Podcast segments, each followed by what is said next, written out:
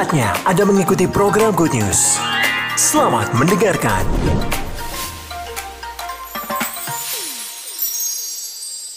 Satu perkara yang saya ingatkan, carilah Tuhan dengan kesungguhan hati. Sebab itulah yang diperhitungkan Tuhan bagi kita sekalian. Di mana gereja Tuhan sedang memberikan perhatian agar sungguh lebih memberikan perhatian kepada generasi muda kita. Khususnya kegiatan sekolah minggu. Saya harus ingatkan semua ini. Supaya sungguh-sungguh baik hamba-hamba Tuhan, jemaat, terutama orang tua yang sedang diberikan kepercayaan oleh Tuhan untuk mendidik anak-anak generasi ini. Sungguh memberikan perhatian yang serius. Sebab situasi bangsa ini sangat ditentukan oleh kualitas keluarga.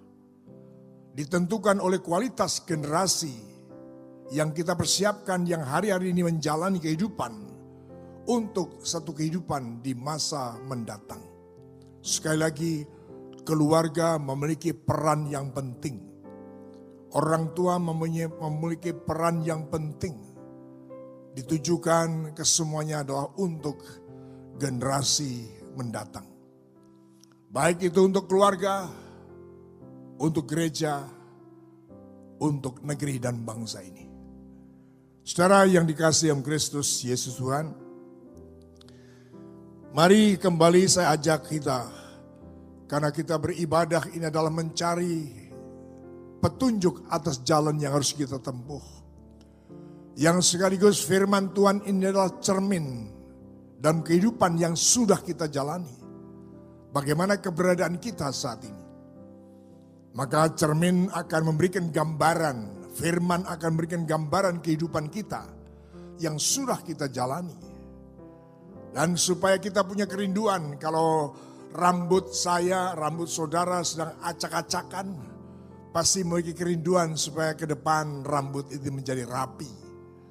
Nah untuk bisa berubah itu tidak hanya mendengar firman, ya, tidak hanya berada di hadapan cermin, tetapi kita mesti melakukannya.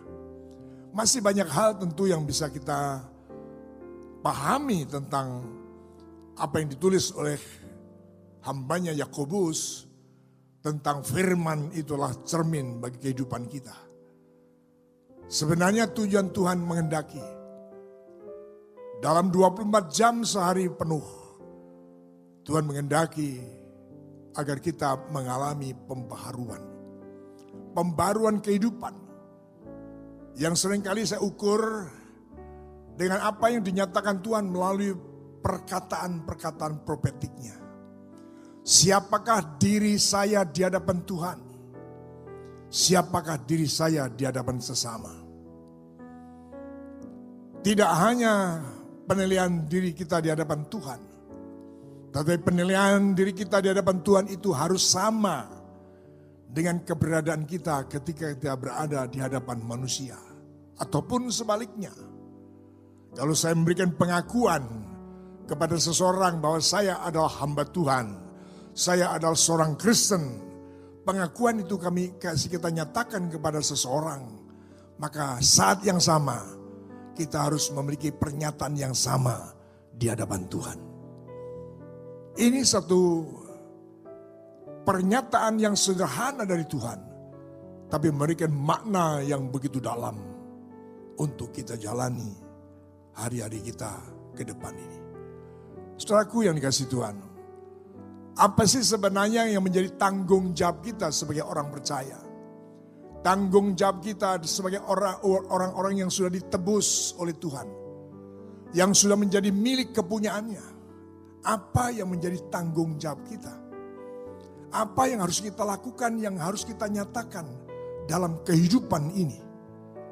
Tolong kalimat ini direnungkan dengan serius. Dengan sungguh hati. Agar kita alami pembaruan.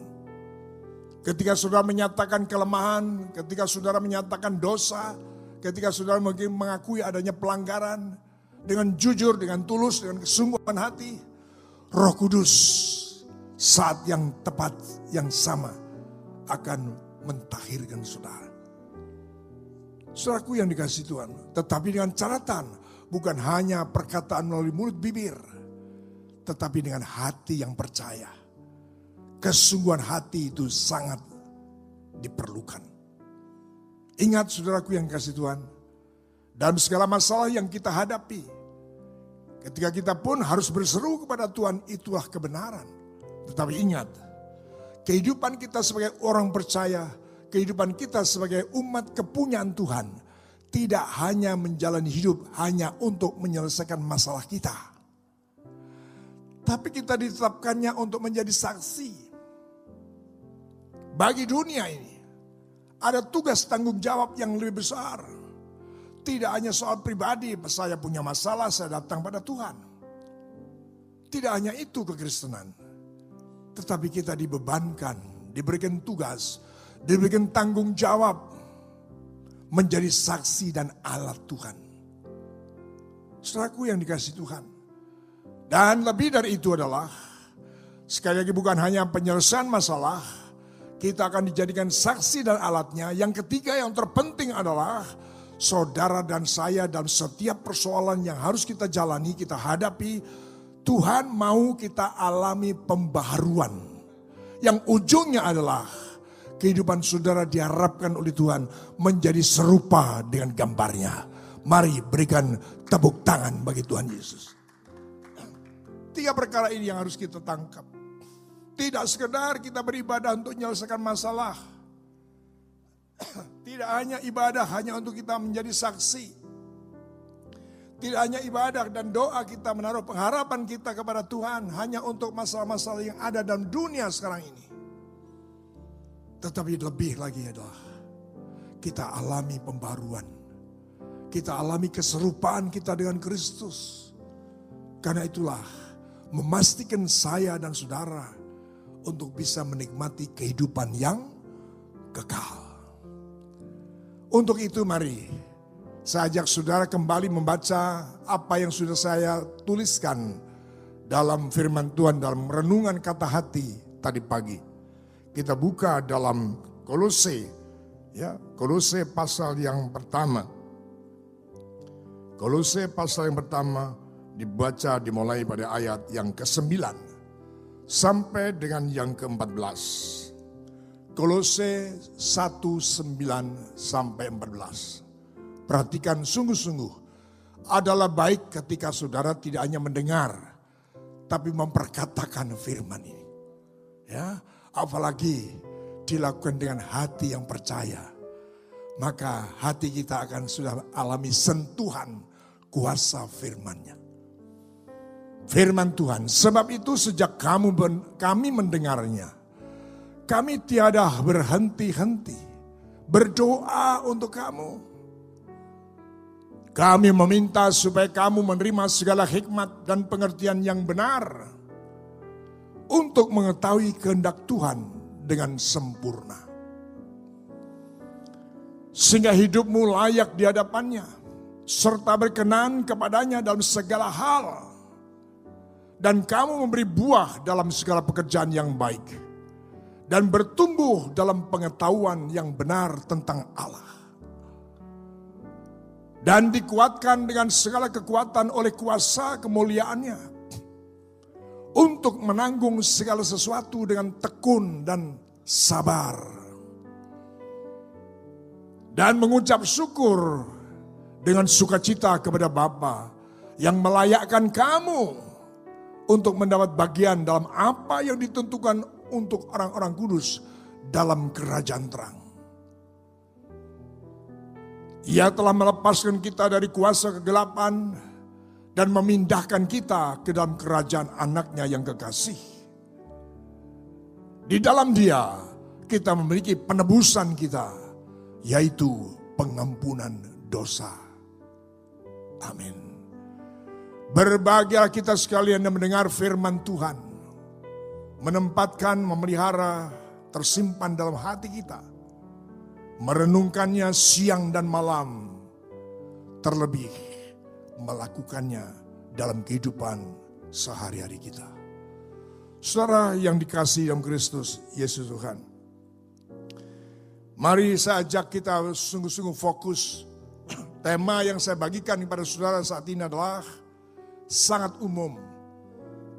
Tetapi itu harus diketahui itu hal yang sangat dinantikan Tuhan. Dan itu juga yang harus menjadi pembuktian kita. Bahwa kita adalah manusia baru. Kita adalah umat yang sudah ditebus oleh Tuhan. Kita sudah meninggalkan cara hidup yang lama. Dan menjalani kehidupan yang baru. Lebih jauh lagi saya mengatakan. Membuktikan bahwa saya bukanlah orang manusia lama yang hidup secara duniawi. Tetapi saya adalah manusia baru yang hidup secara roh. Saudaraku yang dikasih Tuhan, sehingga tema yang saya bagikan kepada saudara saat ini adalah pikirkan dan carilah perkara di atas. Ini satu narasi yang sangat dinantikan Tuhan dan dianjurkan Tuhan bahkan diperintahkan oleh Tuhan. Yang intinya adalah sebagai manusia baru kita harus berubah orientasi hidup, tujuan hidup, cara hidup harus alami perubahan. Harus alami pembaruan. Inti yang kedua adalah kita mengutamakan Tuhan dalam segala sesuatu. Sebagaimana juga dinyatakan ketika saudara dalam keadaan sedang khawatir akan makanan dan minuman. Matius 6 ayat 33 memberikan kejelasan, pengutamaan, mendorong, mengerti menjalani. Tetapi ya, carilah terlebih dahulu kerajaan Allah dan kebenarannya. Mengutamakan Tuhan. Dalam segala sesuatu mungkin sudah terbiasa kita lakukan ketika kita ada masalah. Kita datang kepada Tuhan, kita berdoa. Itu kebenaran. Tapi saya bukankah saya sudah sering kali mengatakan bahwa inilah saatnya kita menjalani hidup selaras dengan doa kita. Ketika kita ada masalah, kita mencari Tuhan, kita berdoa kepada Tuhan. Jangan sampai kedapatan saudara menjalani hidup tidak selaras dengan doa itu. Masih sibuk dengan kepentingan-kepentingan sendiri. Masih sibuk dengan perkara-perkara duniawi. Saya mau katakan, bukan berarti kita tidak butuh hal yang duniawi. Tapi prioritas pengutamaan sikap yang harus kita tunjukkan bahwa saya dan saudara adalah manusia baru yang memiliki orientasi kehidupan yang berbeda ketika kita masih manusia lama. Sekali lagi pengutamaan. Menempatkan Tuhan lebih utama daripada yang lain. Menjadi nomor satu dari segala kegiatan yang akan kita lakukan mengawali kehidupan, mengawali langkah, mengawali rencana. Bahkan Yakobus kan memberikan juga satu catatan toh. Jangan kau berkata, aku rencananya mau ke kota Anu, ketemu Anu dan sebagainya. Sehingga judul perikopnya dikatakan ya apa ya? Carilah Tuhan dalam jangan tinggalkan Tuhan dalam perencanaan hidupmu. Dalam rencana saja utamakan Tuhan. Apalagi ketika kita bekerja. Apalagi kita sedang bekerja dan sekarang masalah, mengalami masalah. Jangan menomorsatukan masalah. Sebab kita sedang hadapi masalah. Solusi yang harus kita cari sekarang. Langkah solusi yang harus kita jalani adalah mencari Tuhan. Berdoa, mencari kehendak Tuhan mencari wajah Tuhan.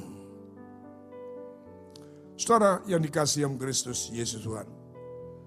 Dan kalau saya kemas langkah-langkah kita, cara berpikir kita, keputusan kita, keputusan hati kita, keputusan langkah kita, itu semuanya dalam satu kemasan menjalani kehidupan hari-hari ini sebagai orang percaya yang menaruh pengharapan kepada Tuhan adalah berbenah diri untuk hidup kita berkenan di hadapan Tuhan.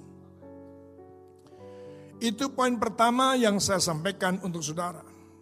Mengejar segala sesuatu untuk hidup kita kedapatan berkenan di hadapan Tuhan. Berkenan kepada Allah. Itu nomor satu. Saya sering mengatakan melalui mimbar yang lain, kalau saja saudara dan saya kedapatan berkenan di hadapan Tuhan dan saudara lupa untuk sesuatu, berdoa kepada Tuhan. Saya berani memberikan jaminan karena saudara hidup berkenan di hadapan Tuhan. Kalaupun saudara lupa tidak meminta kepada Tuhan, tidak berdoa kepada Tuhan, bukan berarti doa tidak perlu lagi. Tetapi jaminan bahwa saudara hidupnya berkenan, Tuhan mengetahui apa yang kau perlukan, apa yang kau butuhkan. Tuhan menyediakan. Tuhan melakukan. Sebab Tuhan mengetahui persis kesempitan saat kita untuk berdoa. Tapi hanya kita pakai segala waktu, tenaga, energi yang ada untuk menjalani kehidupan berkenan di hadapan Tuhan. Satu contoh, seperti saat ini, kalaupun saudara dan jam yang sama, hari yang sama, saat yang sama, engkau punya keinginan, punya acara yang lain. Tapi ketika kedapatan saudara datang ke gereja, datang untuk mencari wajah Tuhan, itu contoh hidupmu berkenan di hadapan Tuhan. Saudara yang dikasih dalam Kristus Yesus Tuhan. Sampai-sampai dikatakan pada ayat yang ke-9 tadi sebab itu sejak waktu kami mendengarnya kami tiada berhenti-henti berdoa untuk apa, apa yang didoakan, apa yang diharapkan, apa yang dibanggakan oleh Rasul Paulus kepada jemaat Kolose ini. Kami meminta supaya kamu menerima segala hikmat dan pengertian yang benar untuk mengetahui kehendak Tuhan yang sempurna Hidup yang berkenan kepada Tuhan, utamakan untuk mencari hikmat. Bukan mencari wajah Tuhan untuk menerima berkatnya. Menerima pertolongannya, memang itu perlu. Tapi mencari wajah Tuhan untuk mendapatkan hikmat dan pengertian. Itu pun untuk apa? Untuk mengenal dia dengan benar. Untuk mengetahui kehendak Tuhan yang benar. Saudara yang dikasih yang Kristus Yesus Tuhan. Sehingga dikatakan pada ayat yang ke-10. Sehingga hidupmu layak di hadapannya. Serta berkenan kepadanya dalam segala hal. Wow, luar biasa. Sebelum lebih jauh saya mau mengingatkan karena saya mengasihi semua saudara. Domba-domba kepunyaan Allah yang dipercayakan kepada hambanya ini untuk menggembalakan dalam situasi apa pun. Baik itu kutub utara maupun kutub selatan. Baik itu timur maupun barat. Yang artinya keadaanmu sedang dalam kelimpahan. Dalam keadaan baik-baik saja. Di kutub yang berlawanan, saudara saat ini sedang dalam pergumulan yang berat. Kebenaran ini berlaku bagi kita semuanya. Siapa pun kita Apakah saudara adalah orang-orang yang berkelimpahan, memiliki segala sesuatu? Bagus, itu adalah anugerah Tuhan. Ataupun sebaliknya, kutub yang berbeda. Saudara dalam keadaan yang sedang kekurangan dan pergumulan yang berat. Ya, kebenaran firman Allah ini berlaku untuk kita sekalian. Cari wajah Tuhan. Cari kehendak Tuhan Cari hikmat dan pengertian. Mengapa saya diberkati? Kalau masalah sedang muncul, mengapa Tuhan mengizinkan masalah ini terjadi? Menangkap hikmat dan pengertiannya. Itulah yang harus kita kejar. Itu pula lah yang berkenan di hati Tuhan. Yang setuju boleh tepuk tangan bagi Tuhan Yesus. Saudaraku, karena apa yang dikatakan pada ayat 11, dengan demikian kita akan dikuatkan, ayat 11, akan dikuatkan dengan segala kekuatan kuasa kemuliaannya. Untuk kita sanggup menanggung segala sesuatu dengan tekun dan sabar. Karena kita apa? Melibatkan Tuhan.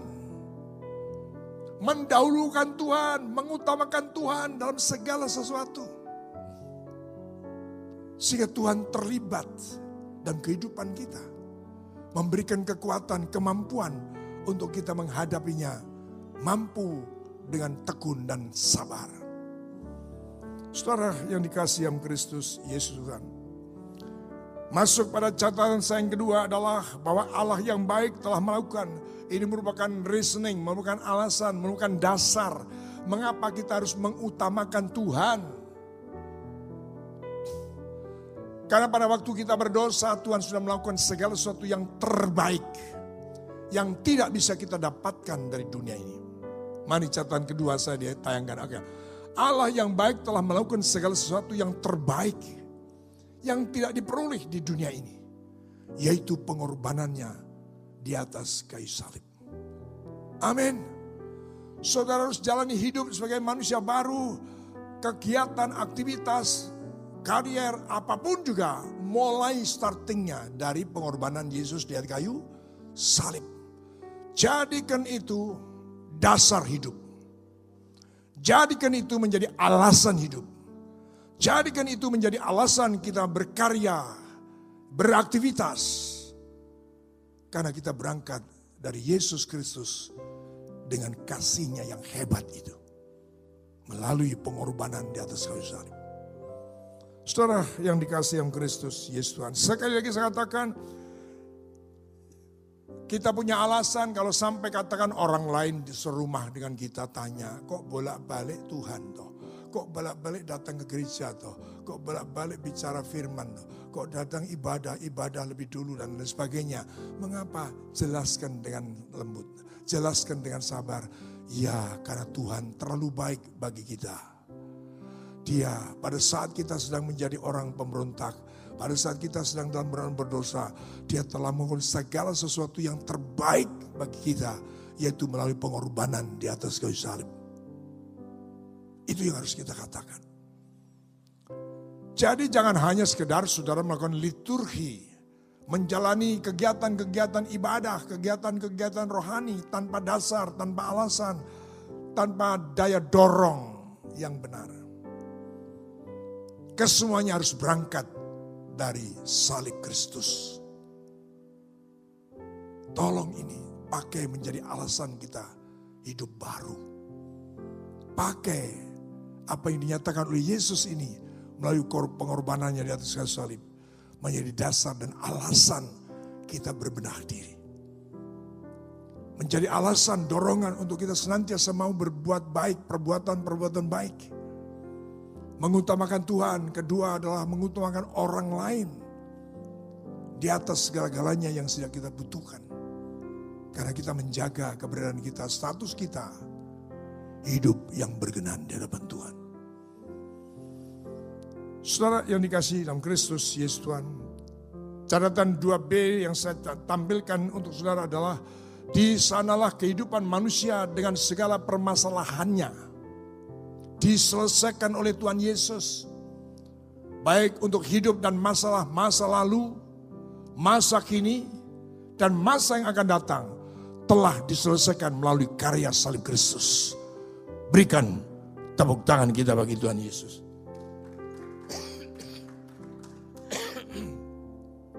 Dengan pengertian ini kita tidak bisa lari. Jadi ataukah itu masalah yang lalu, masalah masa kini atau masalah yang akan datang, tengok kembali, ingat kembali akan Yesus yang tergantung di atas kayu salib. Sebelum dia mati, dia berkata, "Sudah selesai."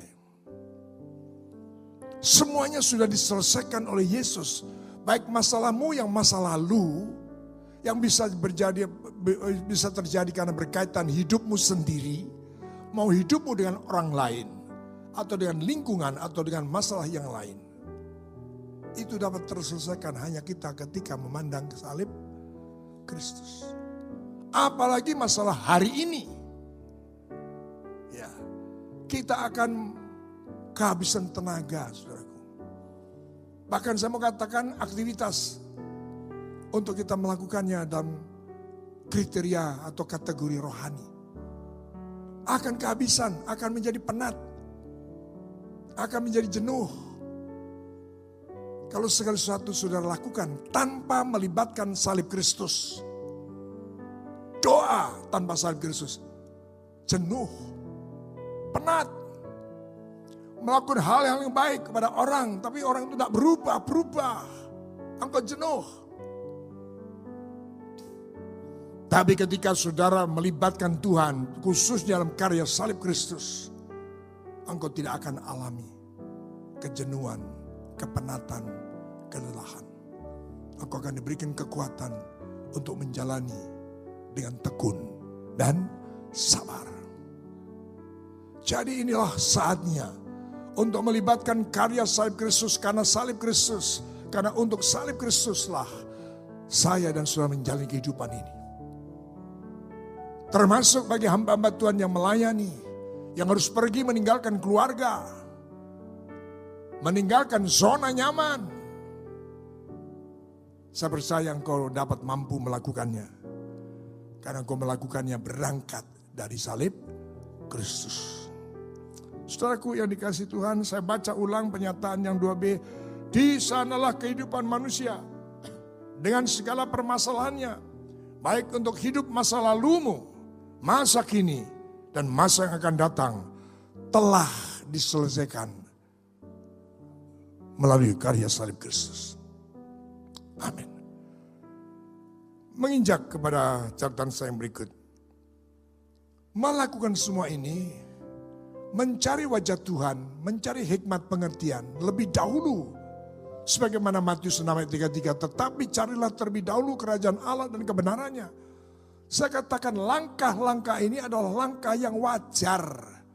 Bukan sesuatu yang dipaksakan. Bukan sesuatu yang dicari-cari.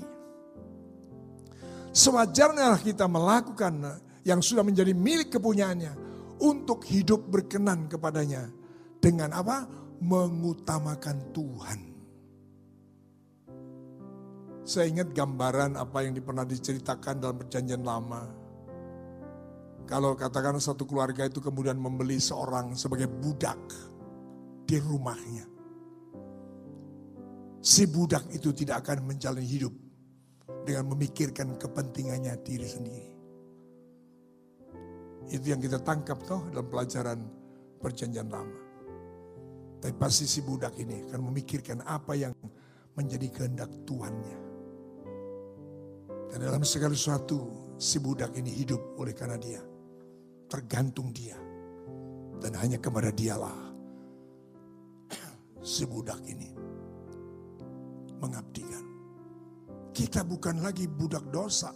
Kita bukan lagi budak manusia. Tapi kalaupun masih saya pakai kata budak, kita adalah budak yang istimewa. Karena yang menjadi Tuhan kita adalah Yesus Kristus Tuhan itu sendiri. Mari berikan tepuk tangan. Haleluya.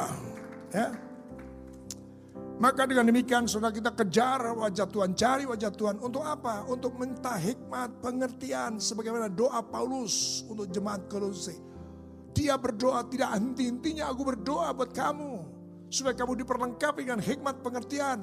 Supaya kamu mengenal Tuhan dengan benar.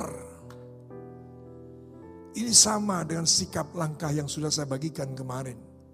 Minggu kemarin saudaraku. Yang di Surabaya apakah sudah dengar ya? Yaitu tentang sikap Salomo. Mengajak semua leadernya, mengajak semua bangsanya untuk utama ketika dia dilantik menjadi raja. Pertama yang keluar perintah dari mulutnya adalah mari kita cari Tuhan. Luar biasa. Kita berdoa supaya 2024 terpilih seorang pemimpin dan ucapan pidato pertama yang keluar dari mulut pemimpin yang baru. Saya berharap, saya berdoa. Hakikatnya, inti berita yang disampaikan adalah mengajak bangsa Indonesia untuk hidup takut akan Tuhan. Untuk mencari wajah Tuhan. Mari berikan tepuk tangan saudara bagi Tuhan Yesus. Yang catatan saya keempat artinya senantiasa mencari wajah Tuhan, senantiasa mencari kerajaan Allah dan kebenarannya terlebih dahulu. Ya, terlebih dahulu. Semua masalah, semua segmen kehidupan. Utamakan Tuhan. Pagi hari, siang hari, malam hari, utamakan Tuhan. Kalau sudah sedang merancangkan sesuatu, cari wajah Tuhan Minta petunjuk Tuhan. Seperti tadi malam saya mengajak semua leader gereja DSCM Intinya adalah mengajak mereka semuanya untuk kita sepakat melangkahkan kaki untuk mencari wajah Tuhan. Apa yang ke depan yang harus kita lakukan?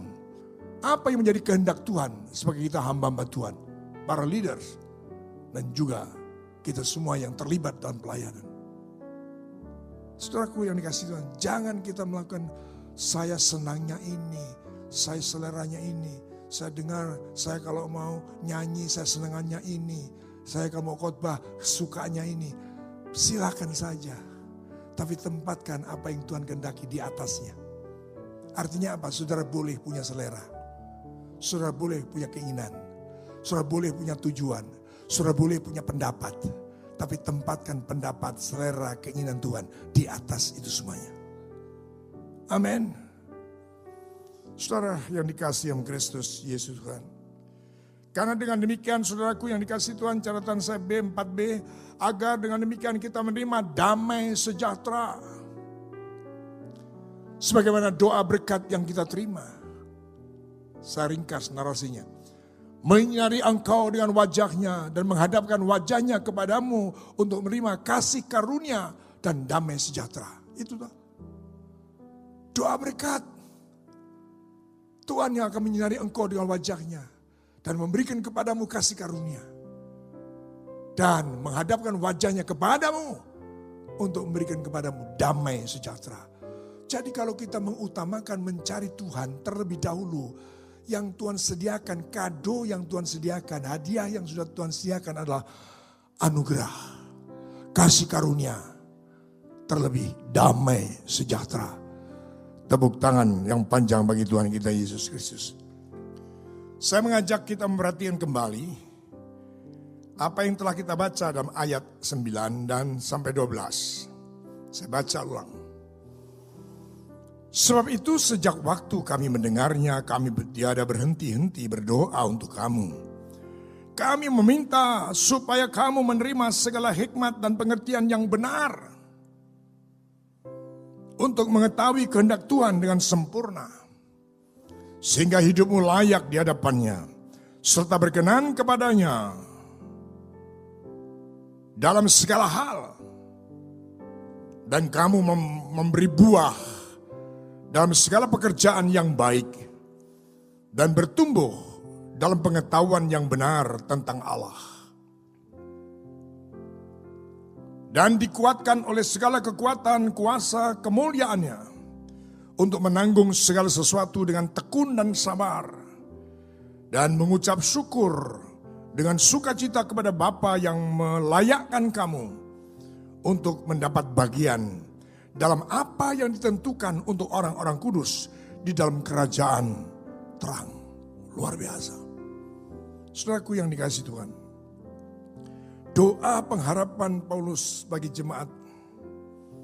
Kolose tentunya waktu itu adalah menerima hikmat pengertian. Untuk hidup berkenan, untuk hidup sesuai dengan kehendak Tuhan yang sempurna. Itu yang harus kita ketahui. Saya akan beri perhatian ini. Hari-hari ini kita sudah mendengar bagaimana banyak seliweran berita-berita, khotbah-khotbah yang mulai menyimpang dari kebenaran. bergeser jauh dari kebenaran. Yang Rasul Paulus menyatakannya kepada jemaat Galatia adalah, mengapa aku heran, mengapa kamu begitu mudah bergeser dari kebenaran Injil.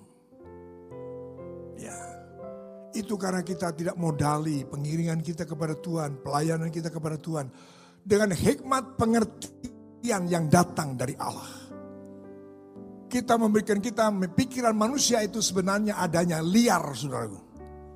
Sulit untuk dikendalikan. Ya, dalam bahasa Jawa yang menjelaskan cenderung sakarbe dewi. Perlu hikmat, perlu pengertian yang datang dari Allah sendiri.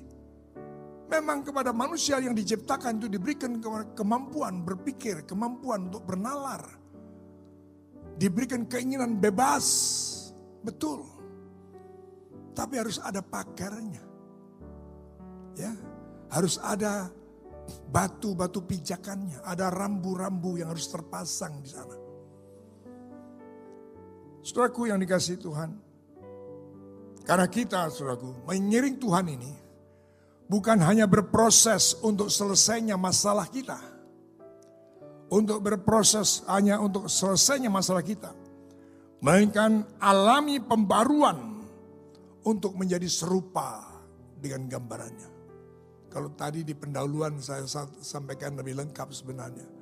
Tidak hanya menyelesaikan masalah kita, kita ngiring Tuhan, kita berdoa pada Tuhan, datang pada Tuhan. Tapi kita sadar yang kedua adalah kita jadi saksi dan alatnya. Tapi yang ketiga adalah alami pembaruan. Untuk kita bisa menjadi serupa dengan gambarannya. Saudara yang dikasih yang Kristus, Yesus Tuhan. Dengan demikian saudaraku yang dikasih Tuhan, Jalani kehidupan ini dengan iman. Jalani kehidupan dengan kesungguhan hati. Pastikan saudara sedang berjalan pada jalan yang benar. Sehingga saudara ujungnya pasti dalam menjalani pun kehidupan dari atas. Kehidupan dari Tuhan terus akan menyinari kehidupan saudara. Sehingga kita akan menikmati apa yang dijanjikan dalam kerajaan terang itu bagi orang-orang kudusnya dalam kerajaan terang. Kehidupan kita saudaraku yang dikasih Tuhan menjadi berkenan dan hidup yang berbuah bagi kemuliaan dan berkat sesama. Bagi kemuliaan Allah dan berkat sesama. Inilah hakikat kekristenan selama hidup kita di dunia ini. Ya, kita dapat penyertaan Tuhan, dapat pertolongan Tuhan, sekaligus jadi saksi dan kita bisa jadi alatnya. Itu hakikat kekristenan yang kita jalani. Ya, hidup berkenan dipakai oleh Tuhan. Melanjutkan terus perjalanan hidup kita. Agar kita sampai kepada janji akhir. Yaitu menerima hidup yang kekal. Saudaraku yang dikasih dalam Kristus Yesus Tuhan. Sekali lagi sebelum saya akan akhiri. Mari kita sungguh-sungguh hati mencari Tuhan, mencari wajah Tuhan. Beribadah, berdoa, mengejar hikmat pengertian yang datang dari Tuhan. Utamakan dalam semuanya itu. Bukan hanya bagi saudara yang jemaat. Demikian juga terlebih bagi saudara yang adalah hamba Tuhan, yang mau dipakai oleh Tuhan, yang siap. Untuk mempersembahkan segala sesuatu yang terbaik bagi Tuhan. Sebelum engkau beraktivitas, cari Tuhan Cari wajah Tuhan, tanya Tuhan. Apa yang harus saya lakukan? Apakah itu saudara sebagai WL, singer, pemusik, pemuji, pendoa, semuanya. Apalagi pengkhotbah. Cari wajah Tuhan. Karena dengan demikian saudara seperti sekatan tadi, seperti doa, berkat, saudara pasti sudah menerima anugerah. Menerima kasih karunia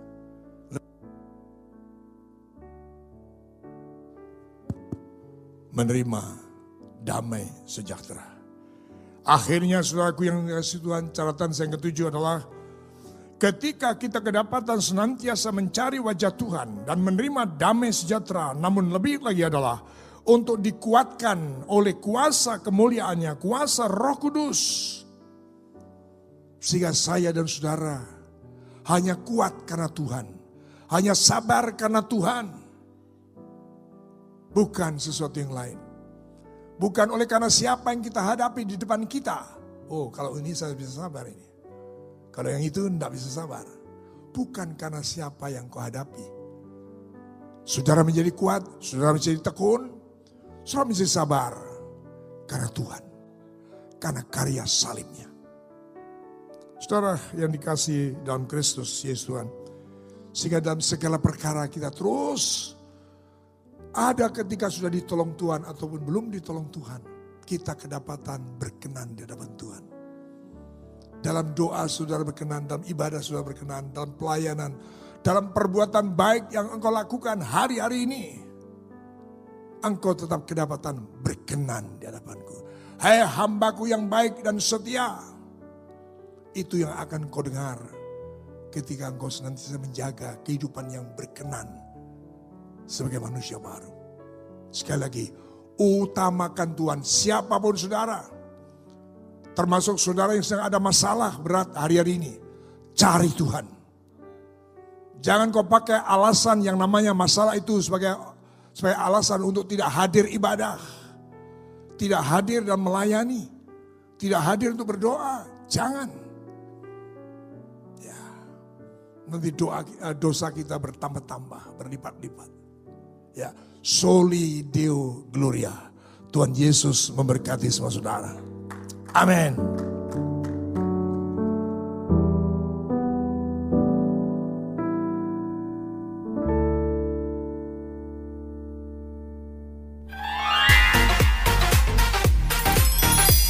Terima kasih untuk Anda yang sudah mendengarkan program Good News yang dipersembahkan oleh Radio Sejahtera. Untuk Anda yang rindu mendapatkan layanan konseling dan dukungan doa, silakan menghubungi hotline 0812 33 33 6392. Para konselor dan para pendoa Diaspora Sejahtera Caring Ministry siap untuk melayani Anda. Tuhan Yesus memberkati.